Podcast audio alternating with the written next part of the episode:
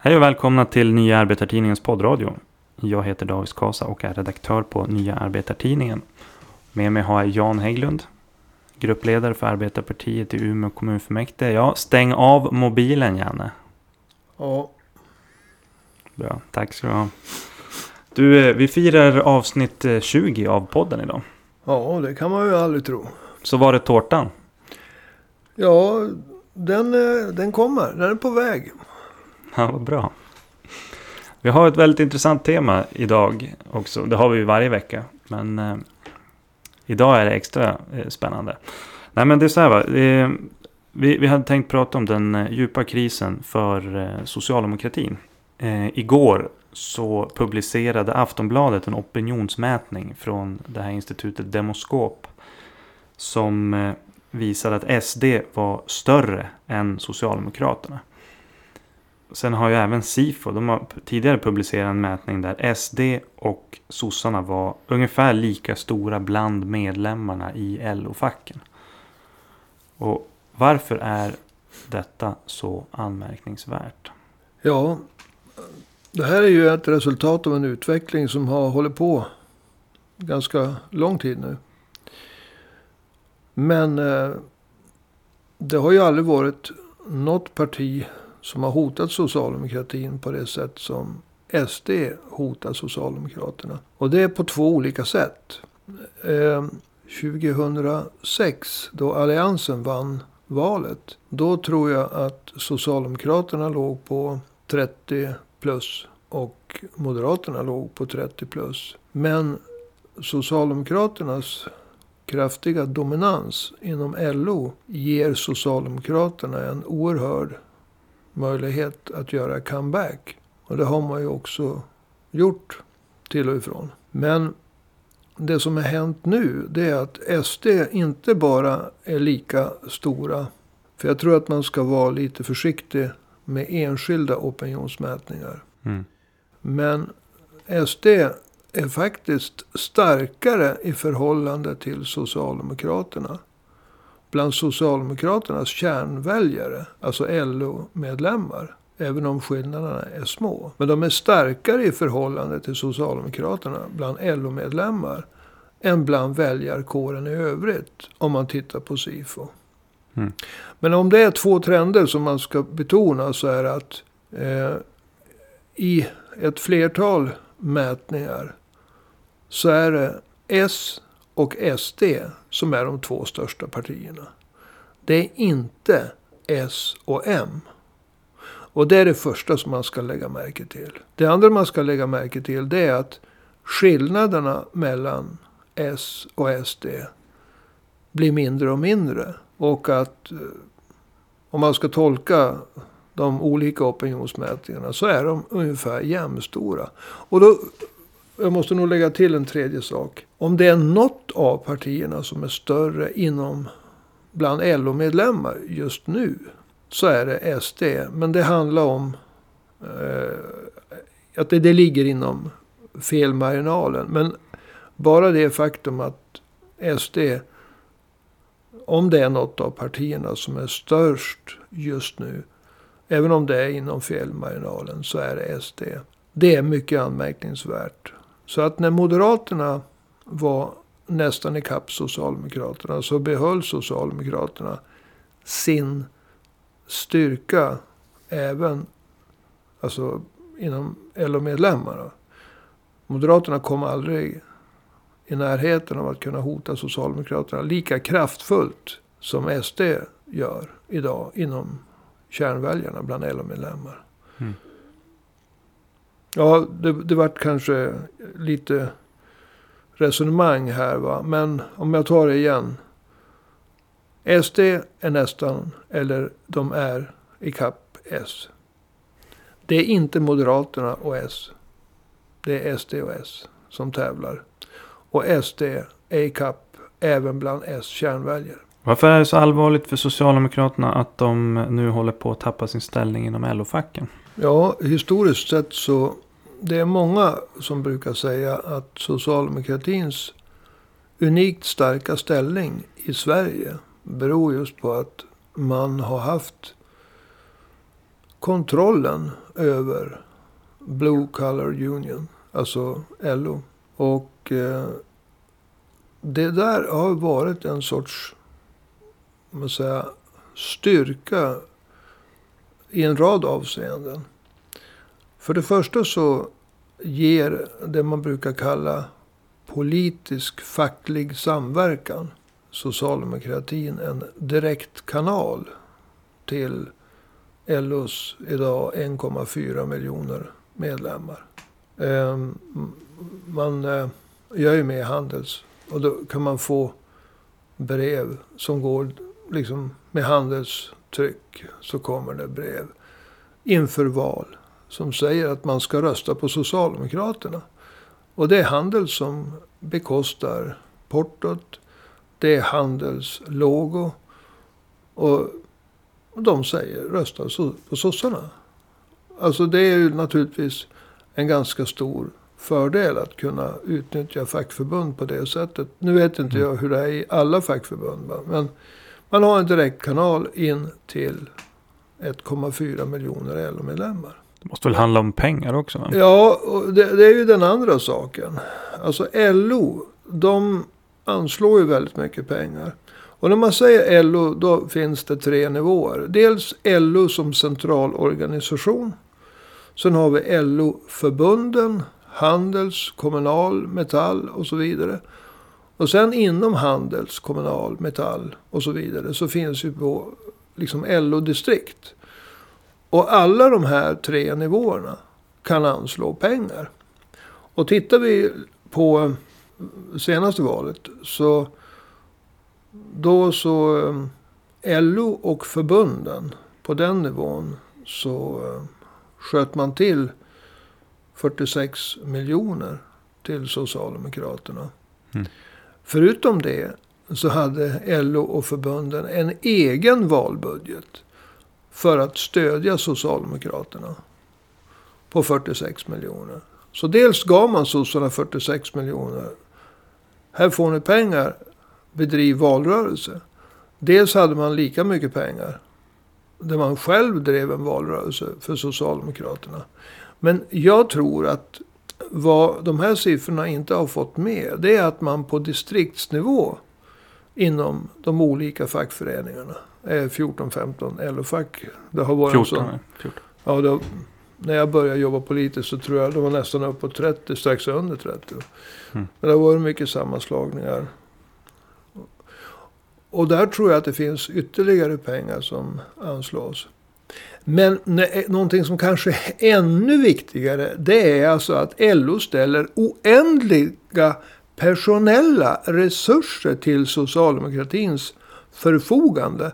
Ja, som om man skulle betala för samma tjänster så är det rent svindlande belopp. Ta och, och, och lyssna på det här.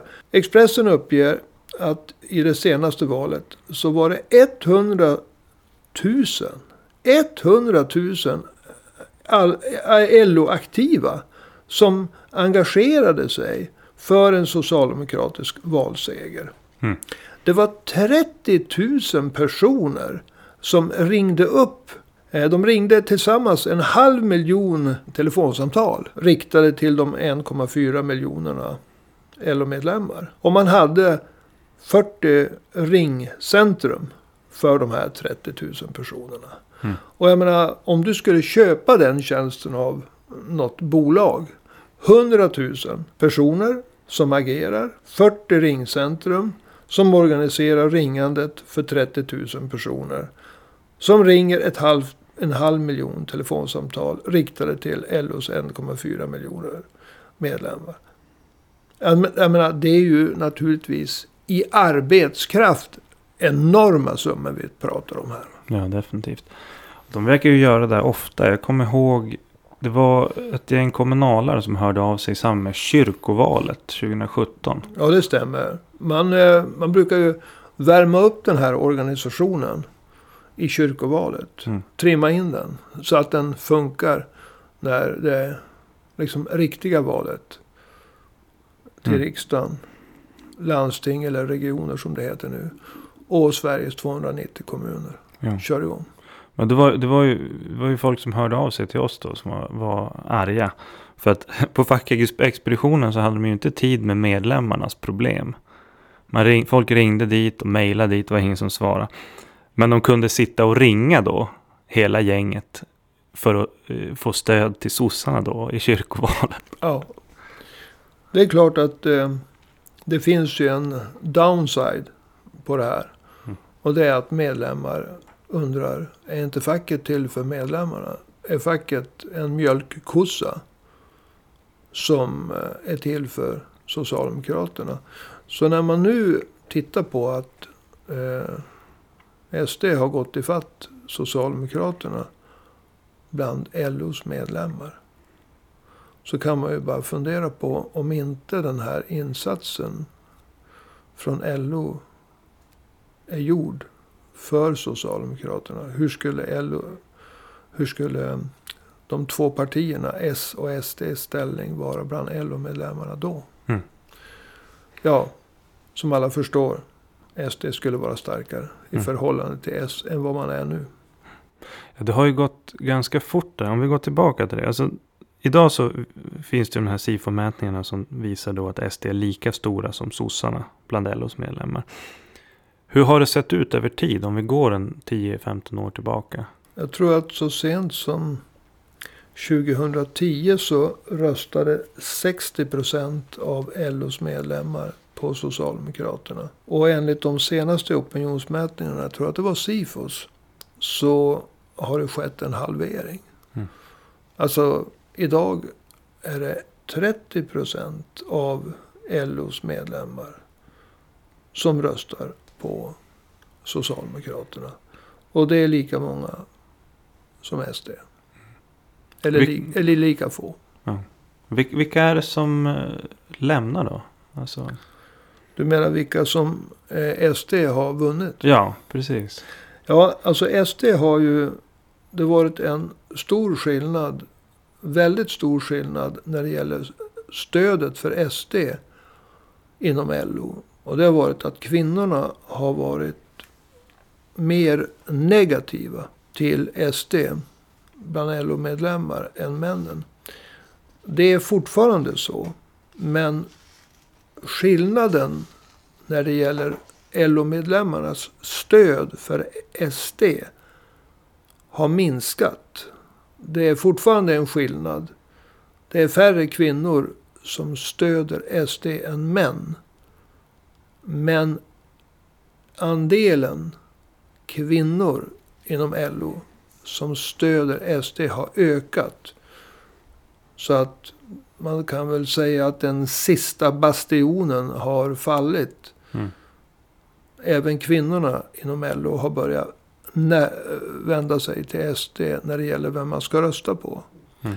Det är fortfarande en skillnad alltså. Det är fler män som röstar på SD bland LO-medlemmar än kvinnor. Men kvinnorna har närmat sig.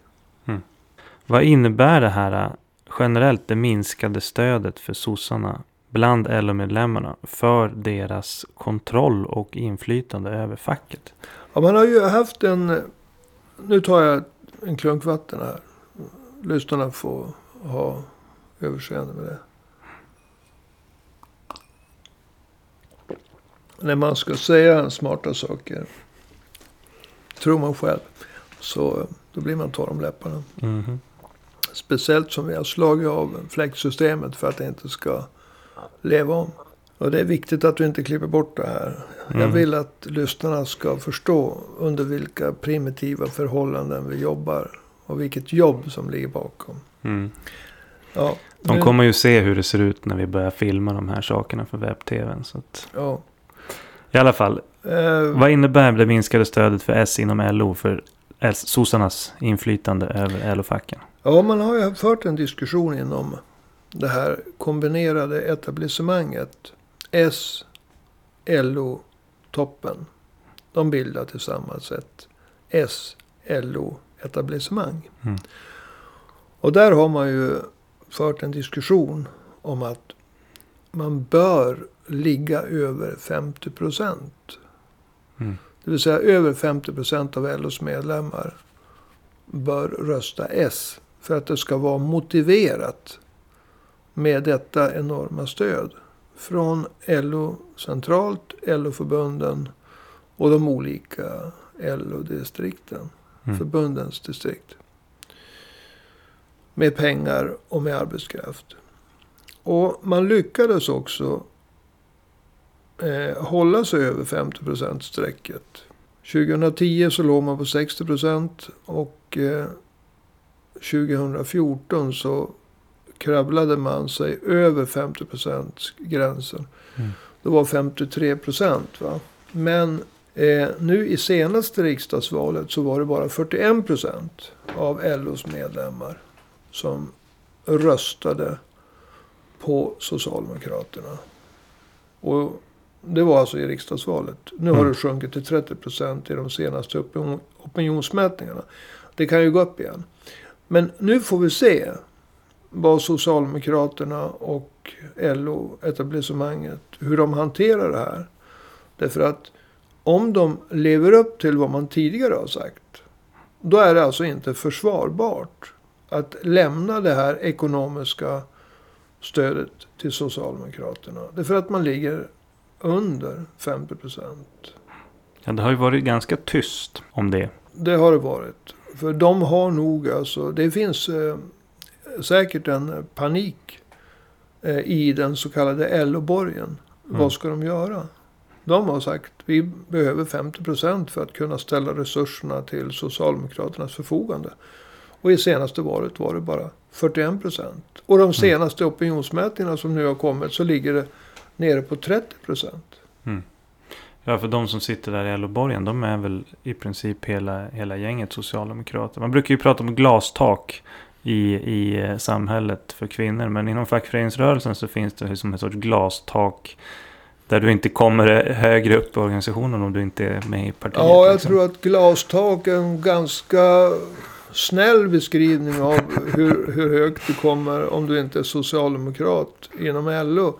Jag skulle vilja säga att det är ett eh, järntak. Jo, jo, sant. Glastak kan man ju ta sig igenom. Ja, visst. Just det. Eh, men alltså, om vi, om vi tänker oss att sossarna tappar kontrollen över LO och LO-förbunden. Skulle det kunna till exempel innebära en, en kollaps för sossarna? Som med vissa socialdemokratiska partier ute i Europa har gjort. I Frankrike till exempel. Teoretiskt sett så kan ju vad som helst hända. Men jag ser inte att det finns något intresse från allianspartierna att Socialdemokraterna ska kollapsa. Mm. Om vi nu pratar realpolitik så är det så att när, när, när vi kommer på de djupare strategiska resonemangen om att ha kontrollen över samhället. Så tror jag att de mer tänkande delarna av borgerligheten vill ha en socialdemokrati som är statsbärande, som är kapabel. De vill vara kapabel att ha ett maktskifte. Borgerligheten vill inte att eh, SD ska rycka fram som en sorts Donald Trump-kraft. Inga övriga jämförelser. Mm. Jimmy Åkesson är tråkigare än Donald Trump. eh, därmed inte sagt att jag gillar Donald Trump. Han har ett visst underhållningsvärde kan man säga. Större än Jimmy Åkesson. Men eh, låt oss vara allvarliga. Eh, socialdemokratin kan förlora sin legitimitet inom LO. När det gäller att få pengar, när det gäller att få arbetskraftsunderstöd i valrörelserna. Men det man aldrig ska glömma, hur irriterad och kritisk man än kan vara när det gäller socialdemokratin. Låt oss säga som det är. Socialdemokraterna är ett väldigt stöddigt parti. Mhm. Och deras företrädare på alla nivåer verkar ha väldigt svårt att förstå att 1994 så fick de 45,3 procent i riksdagsvalet. Det får de inte idag. Mm. Och i den sämsta opinionsmätningen, den som nu kom från Demoskop, där ligger man på 22,2 procent. Mm. Alltså det är, om det här skulle vara valet idag och Demoskops opinionsmätning skulle stämma. Så har man halverat Ja. sen riksdagsvalet. Men nu är ju opinionsmätningar en sak. Sen 94 tänkte du? Ja, sen 94. Mm. Och opinionsmätningar är en sak. Riksdagsval är en, en annan sak. Men mellan 94 och 2018 så hade Socialdemokraterna nästan tappat nästan fyra av tio väljare. Mm. Men det går inte igen i deras stöddighet. Va? Så hur arg man än är på Socialdemokraterna för att de inte verkar förstå att kunna räkna. De verkar inte kunna räkna. Nej. Att de är mindre. De uppträder fortfarande lika stödigt. Så ska man komma ihåg, man får inte låta den här känslan att de är väldigt stöddiga. Och att de uppträder precis som att de var lika stora. Fördunkla ens omdöme. Socialdemokratin har en comeback-möjlighet. Även om de har gått under 50 procent inom LO. Så är det ju, ser vi ju ingen utmanare. Som själv kan gå över 50% och så att säga ta över LO. Mm. Det ser jag inte på dagordningen. Så socialdemokratin kan gå tillbaka och gå tillbaka och gå tillbaka. Jag tror att de på ett eller annat sätt kommer att behålla åtminstone stora delar av stödet från LO. Både ekonomiskt och arbetskraftsmässigt. Och jag tror att socialdemokratin kan minska. De kan minska ännu mer. Mm. Om vi tänker oss följande scenario. Man får inte längre samma stöd från LO. Vare sig ekonomiskt eller när det gäller arbetskraft. Så kan man gå ner ännu mer. Mm. Men till skillnad från under Mona Sahlin och Håkan Juholt så råder det inga öppna motsättningar inom socialdemokratin idag. Utan tillbakagången än så länge verkar göra att de håller ihop, åtminstone utåt. Mm. Eh, Hur det ser ut i det socialdemokratiska verkställande utskottet, det vet jag inte än. Men eh, Ja, men de verkar ju kunna enas i att de tycker de är som sur på arbetarna. För att de inte fattar att de ska rösta på sossarna. ja, de, är, de har Det är den attityden de har. Ja visst, de, de, den här stöddigheten igen va. Ja. De, har, de tycker att arbetarna, vi, vi var ju duktiga på 30-talet och vi var duktiga på eh, 50-talet och 60-talet och 70-talet. Mm. Och varför röstar inte arbetarna på oss? Mm. Och det där är naturligtvis en brist i deras politiska tänkande. Men trots det, det jag vill komma till är att Socialdemokraterna har, så länge de inte splittras på ett annat sätt än de redan har splittrats. Det vill Mm. säga att väljarna går över till SD en och en. Mm. Så har de en möjlighet att göra comeback. Det vore en annan sak om SD organiserade en opposition. Eller om Moderaterna på sin tid hade organiserat en opposition inom LO. Mm. Men Socialdemokraterna och de kommer att försöka behålla sina band till facket. Och så länge de behåller sina band till LO-facken så har de också en väldig möjlighet att göra comeback. Däremot så har det ju funnits krafter, de riktiga högertyperna inom socialdemokratin. Gänget kring Mona Sahlin och Thomas Bodström. De ville ju kapa banden till facket. För att de ville verkligen förändra socialdemokratin i grunden. Alltså, de ville få bort det här med Socialdemokratiska arbetarpartiet. De ville ha ett socialdemokratiskt liksom, parti.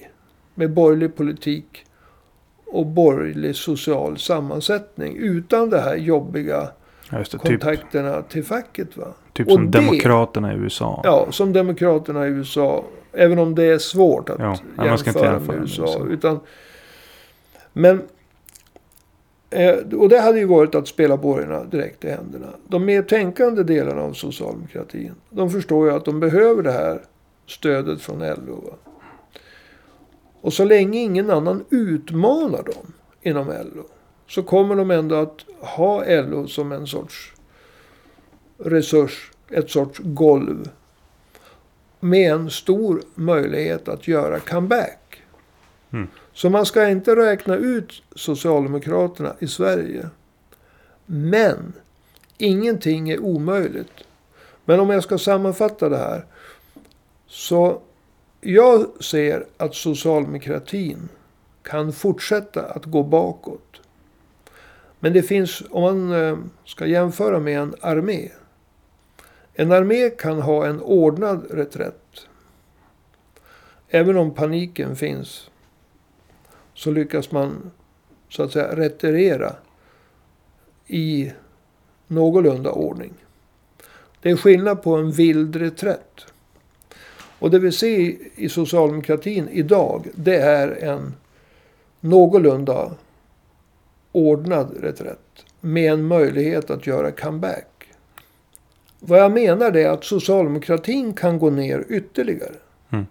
De kan gå ner från den här fantastiskt låga opinionsmätningen i Demoskop. Från 22,2 procent. De kan hamna under 20 procent.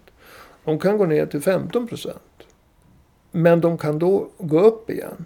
Men de kommer aldrig, tror jag, att kunna komma tillbaka ens i närheten av de siffror de hade 1994. Då Mm. de hade 45,3 procent i eh, valet. Utan socialdemokratin, det som har hänt, det är, tror jag, en bestående förskjutning. Där socialdemokratin har tappat sin dominerande roll i svensk politik. Och vad vi sitter och pratar om nu, det är hur långt kan socialdemokratin falla? Mm. Och jag tror att de kan fortsätta att falla, men de kan... De behöver inte spricka och försvinna, som de, de nästan har gjort i en del andra europeiska länder. Men att återta väljarna från SD, det tror jag att de är okapabla att göra. Men om vi ska avsluta i någonting av en väg framåt då. Hur ska man kunna vinna tillbaka de LO-medlemmar som har gått över till SD? Ja, alltså vägen framåt. Det är inte, det är inte så här att vägen framåt. Det är att Socialdemokraterna vinner tillbaka väljarna från SD. Och det är av två skäl. Socialdemokraterna har ingen politik Mm. för att visa en väg framåt. Så bara för att Socialdemokraterna går ner eller upp så är inte det en väg framåt. De har tappat så mycket. Mm. Och det finns ett skäl till det. Och det är för att de har ingen väg framåt. Mm. Eh, det har inte SD heller. Och uppenbarligen inte de partier som en gång kallades för Alliansen. Men det behövs ju en ny kraft i svensk politik. Och eh, det jag ser, det är att det behövs en alternativ vänster. Därför att den vänster vi har, det är ju en tragisk uppenbarelse. Som vi inte ska ödsla ord på ens. Nej. Det, behövs ju, det finns ett behov av att det återuppstår en arbetar, rakryggad arbetarvänster. Demokratisk, socialistisk, sekulär. Och eh, en, med ett handlingsprogram som naturligtvis be, behöver många inslag. Men jag skulle vilja säga att det finns tre grundläggande inslag. Ja, nu kommer det här på ganska fort. Va? Men vi har väl pratat om eh, behovet av en alternativ vänster. Baserad på arbetare förut. Precis. Men vad, vad är det? Om man tänker sig tre frågorna då. Ja, för det första. Vi måste ha en realistisk integrationspolitik. Vi kan inte ha fri invandring. Vi kan inte ta emot fler eh, asylsökande och fler flyktingar än EU-snittet. Därför att gör vi det, då kommer vi inte att kunna integrera invandrare, flyktingar, Mm. på arbets och bostadsmarknaderna. Utan vi, vi kommer inte heller att kunna tala om vad som gäller och inte gäller. Och vad som gäller i det här landet, det är landets grundlagar. Mm. Det är inte sharia. För att nu tala klarspråk. Så vi måste ha en realistisk integrationspolitik. Och det finns inte idag. Inte ens en tillstymmelse till. Nej. Det andra är att vi måste ta itu med de klassiska, eh, låt oss säga arbetarfrågorna. Alltså att bekämpa de ökade inkomstklyftorna. Och inkomstklyftorna idag är större än på väldigt, väldigt, väldigt länge. De började mäta 1991 Mm. enligt ett visst mått. Som jag inte ska uttråka lyssnarna med att säga namnet på. Det var ett snyggt sätt att säga att jag inte kommer ihåg namnet. Eh, men inkomstklyftorna är större idag än sen man började mäta. Man kan säga att den rikaste tiondelen, eller den tiondel som tjänar mest Mm. i Sverige idag, tjänar lika mycket som den halva av befolkningen som tjänar minst. Mm. Och det där leder ju naturligtvis då till en följdeffekt. De som tjänar mest, de kan lägga undan mest. De kan också då skaffa sig aktier, kapitalinkomster. Och kapitalinkomsterna har ökat snabbare än i procent än löneinkomster. Mm. Så tjänar man mycket kan man lägga undan. Kan man lägga undan kan man köpa aktier. Köper man aktier så ökar man ytterligare sina inkomster. Mm. Och man drar ifrån. Den här tiondelen drar ifrån hela tiden. Den andra halvan av befolkningen som tjänar minst. Mm. Och det är ingenting som Socialdemokraterna slåss för. Tillsammans med Miljöpartiet, Centern och Liberalerna. Nej, Så en arbetarvänster, en alternativ vänster, måste ta itu med de klassiska klassfrågorna. Att bekämpa inkomstklyftorna. Och den tredje saken som jag vill säga det är att nu sker det en avmattning i den ekonomiska konjunkturen. Ingen vet hur djup den kan bli. Men vi har redan en mycket hög arbetslöshet i Sverige. Mm. Den kommer att bli högre. Hur mycket högre vet vi inte. Det har ju att göra med hur djup konjunkturen går Mm. neråt. Men vi måste ju ta itu med arbetslösheten redan nu. Och det måste vara ett omfattande åtgärdsprogram. Därför att redan nu har vi hög arbetslöshet. Men det kommer att bli högre. Så att en alternativ vänster, en arbetarvänster, måste ha en realistisk integrationspolitik. De måste ge, ta itu med inkomstklyftorna och bekämpa dem och visa resultat. Och man måste bekämpa arbetslösheten. Som jag ser det så har socialdemokratin ingen politik för det här. Men jag ser inte heller att SD, deras nya utmanare, har någon politik för det här. Nej, definitivt inte. Men du, då sätter vi punkt där. Det var en Ja. bra avslutning tycker jag på det här. Ja, man tackar. Eh, så jag får tacka så mycket för idag då. Jan Hägglund, du är gruppledare för Arbetarpartiet i Umeå kommunfullmäktige. Ja, det är ju. Ja, avslutningsvis så vill jag be alla gå in och besöka eh, arbetartidningen.se. Det är så här att vi har ju precis lanserat vår närtidning där vi har den här poddradion, vi har webb-tv, vi har arbetsplatsrapporter från eh, både när och fjärran. Vi har en del rekommenderade dokumentärer eh, och sommarprat. Bland annat vill jag slå ett slag för det är en meteorolog som heter Mikael Tjärnström som förklarar klimatförändringarna på ett väldigt bra sätt som jag tycker man ska lyssna på. Dessutom så, jag menar, vi har rent generellt en väldigt fin och, och, och snygg hemsida eh, kan jag säga. Så att gå in på arbetartidningen.se och eh, dela artiklar som du tycker är bra i sociala medier och eh, börja prenumerera om du inte redan gör det. Eh, du kan också stödja oss om du tycker att vi gör en bra podd. Va? Vi har ju inga statliga bidrag. Däremot så tror vi att våra idéer eh, som vi diskuterar här, att de behövs. Så att du kan swisha ett stort eller litet bidrag till 123 504 7105. Alltså 123 504 7105. Och eh, swishnumret ska även finnas på hemsidan arbetartidningen.se. Sen fick jag in det där också. Eh, sen så vill jag här också passa på att tacka eh, några som har stött oss eh, på Swish under november. Eh, jag vill tacka Björn, Elin, Pardip, jag hoppas jag uttalar det där rätt, Eva, Lilian och Mikael. Som sagt, det är några som har stött oss under november och fortsätt stödja oss och skriv gärna en liten kommentar om ni skickar ett bidrag via Swish. Det var allt för idag. Jag heter David Skasa och du har lyssnat på Nya Arbetartidningens poddradio. Ha en trevlig helg så hörs vi igen nästa vecka.